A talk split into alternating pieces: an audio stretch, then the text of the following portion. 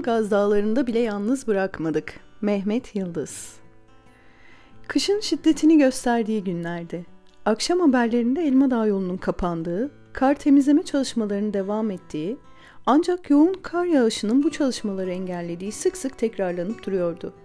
Aylardan Aralık, günlerden Perşembeydi. Ertesi günün sabahı abilerle yolculuk için bir planımız vardı. Nedense her yolculuk öncesi 3-5 gün öncesinden bir yol heyecanı sarardı hepimizi. Bu seyahatlerin mahiyeti itibariyle mukaddes yolculuklardan izler taşıdığını düşünüyorduk. Beraberce gittiğimiz, dertleştiğimiz abilerimizin samimiyetleri yolculuğa böyle bir mana katıyordu. Herkesin kendine göre işi gücü, meşguliyeti, ailesi, çoluk çocuğu vardı. Ama böyle bir vazife rutin işler yüzünden ihmal edilmezdi. Edilmemeliydi. Bundan dolayı onlar her ay bir hafta sonunu pek çok güzelliklere vesile olan bir seyahate ayırıyorlardı. Allah'ın sadık ve aşık kulları, hakkı gönül vermiş olan dostlar bu seyahatlere katılmak için can atıyordu. Farklı şehirlerdeki iman ve Kur'an hizmetine gönül vermişlerin ve vereceklerin ziyaretlerine gitmek, onlarla fikir alışverişinde bulunmak, gördüklerimizi, bildiklerimizi ve hissettiklerimizi o güzel insanlarla paylaşmak ve o güzide toplulukların da samimiyetlerini, fedakarlıklarını, hasbiliklerini alıp yaşadığımız beldedeki kader birliği yaptığımız arkadaşlarımıza aktarmak yeni heyecanlara vesile oluyordu. Ancak bu vazifeyi yaparken yaşadıklarımızı, oralarda duyduğumuz heyecanı tarif etmekten aciz olduğumuzu itiraf etmeliyim. Şu kadar var ki sanki giderken elimizde içi kevser dolu testiler vardı da Bizi misafir edenlere o testiden nurdan bardaklarla kevserler sunardık. Sonra da boşalan testileri oradaki samimi insanların tarif edilemez güzellikteki pınarlarından doldurup geriye dönerdik. Biz yalnız olmadığımızı hissederdik. Gidişimizde kutsi bir heyecan, dönüşümüzde de tatlı bir sevinç yaşardık. O uzun yolculuklar nasıl da bitiverirdi. Doyamazdık yaşanan güzelliklere.'' Bazen Ordu, Giresun, Trabzon, bazen Malatya, Şanlıurfa. Yol uzundu ve 1988-90'lı yılların yolları zordu belki ama söz konusu Allah'ın rızası olunca işin ucundaki zorluklar görünmez olurdu gözümüze ve yollar da kısalırdı kısalırdı. Yolculuklar boş geçmezdi. Yer yer sohbetler eder, yer yerde vaaz kaseti ve Kur'an dinlemeyi tercih ederdik.'' Vaaz kasetindeki dertli ve yanık ses bizi alır, manen asrı saadete götürür. Kabe'de tavaf ettirir. Hacerül Esved'i öptürüp selam verdirir. Kabe'nin karşısında, Rabbimizin huzurunda kulluk şuuruna ermemizi hedeflerdi. İbni Erkam'ın evinde yeni Müslüman olan ammarların, Bilallerin heyecanlarını hisseder, onlara kardeş olmanın hayalini kurardık.'' Hazreti Cafer'le Necaşi'nin huzurunda hakka ve hakikate tercüman olup gönüllerin yumuşadığını görür. Acaba biz de böyle güzellikleri, Efendimiz'i, ulvi değerlerimizi aktarabilir miyiz diye içten içe ağlar, kalbi tazaru ve niyazlarımızı gözyaşları eşliğinde Rabbimize sunardık. Hazreti Cafer'in o muhteşem konuşmasına şahit olur, Necaşi'nin huzurunda hicretin hikmetini, ne büyük bereketlere vesile olduğunu anlardık. Boykot yıllarında sahabenin kadın erkek topyekün metanetine, sadakatine, sabrına şahit olur, onların büyüklüğünü tekrar tekrar fark ederdik.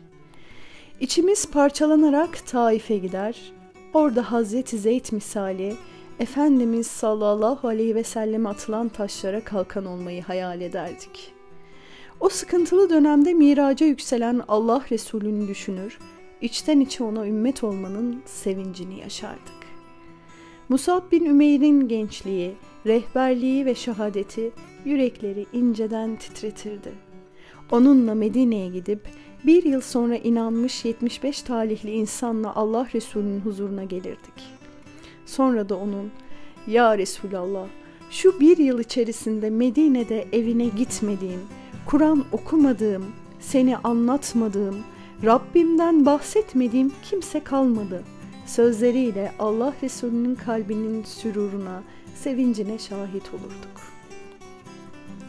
Hicret esnasında Hazreti Ebu Bekir'i takip eder, Efendimizin etrafında perdedar olmasına, ona olan sadakatine şahit olur, her türlü tehlikeye göğüs germesini görür, orada olmayı canı gönülden arzu ederdik. Yolda sadece namaz için mola verirdik. Seminerlerde verilen bir ara gibi. O sırada abilerimizin kıymetli eşlerinin hazırlamış olduğu ikramlarla bir iki bardak çay yudumlayıp manevi seyahate kaldığımız yerden devam ederdik. Bu yolculuklar bir seminer gibi olurdu bizim için. Saatler süren dinlemeler, konuşmalar, okumalar ve bazı yaşanmış hatıralarla ne güzellikler akardı yüreklerimize. Bir başka seyahatte dinlediğimiz ayrı bir kasetle kendimizi bir anda Bedir'in ortasında bulurduk. Henüz 13-14 yaşında bir delikanlının Bedir'e katılabilmek için Efendimiz'e yalvarmasına şahit olur. Ya Resulallah ne olur beni kendinden ayırma. Sen neredeysen ben orada olmak istiyorum. Sana ve davana sahip çıkmak istiyorum. Yaşımın ve boyumun küçüklüğüne bakma. Sözlerini gözyaşları içinde takip ederdik. Ben de kendi içimden ona seslenir ve o küçücük kalbine bu yüce mefkureyi nasıl sığdırdın ey büyük ruhlu Ümeyr bin Ebi Vakkas derdim. Sonra Hazreti Hamza, Abdullah bin Caş, Hanzala, Enes bin Nadr ve diğer kahramanlarla kendimizi Uhud'da Efendimizin etrafında kenetlenmiş bir vaziyette bulurduk. Orada Allah Resulü için bütün bir dünyadan nasıl geçildiğini görür, onlarla aynı duyguları yaşamak isterdik. Hazreti Sümeyra'nın Uhud'da babasını, kocasını, kardeşini ve oğlunu şehit verdikten sonra ''Ey ne Resulallah yani Resulullah nerede çığlığını duyar? Efendimizle buluştuktan sonra bütün musibetler bundan sonra bana hafif gelir. Sözlerini yüreğimize nakşederdik. Hendek'te Allah Resulü'nün açlıktan karnına taş bağladığına şahit olur ve onun her şeye rağmen bütün zorluklara nasıl katlandığını hayranlıkla izlerdik. Hazreti Ebu Bekir, Hazreti Osman ve Abdurrahman bin Af gibi sahabelerin cömertliğine şahit olur. Malımızı, mülkümüzü onlar gibi infak etme duygusuyla coşardık. Yemame Savaşı'nda Ebu Akil'in kahramanlığına şahit olur. Son nefesini vermeden önce halini hatırını soran bir sahabeye, galibiyet ve mağlubiyet kimde diye sormasındaki şuurunu ve yalancı peygamberin mağlup edildiğini duyunca parmağını kaldırıp binlerce Ebu Akil gitsin ama Allah Resulü'nün mübarek adı yere düşmesin sözlerini hayranlıkla takip ederdik. Her sahabi hayatını dinlediğimizde şöyle derdik. Bu nasıl bir sadakat, bu nasıl bir teslimiyet ve bu nasıl bir inanmışlık. Allah'ım bizleri de o güzel insanlar gibi sadık ve vefalı eyle. Dualarını yapa yapa seyahatlere devam ederdik.'' Yer yer ara verir, düşüncelere dalar, muhasebe yapardık. Bu araların arkasından Mısır hafızlarından Kur'an tilaveti dinlerdik.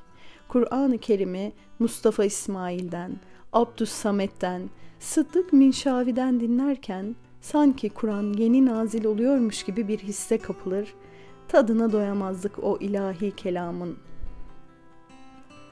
Yola çıkacağımız günün öncesinde Perşembe akşamı saat 23 sularında çok sevdiğim ayakkabıcı bir abimin telefonda ''Hocam yolların kapandığını duydunuz değil mi?'' dedi.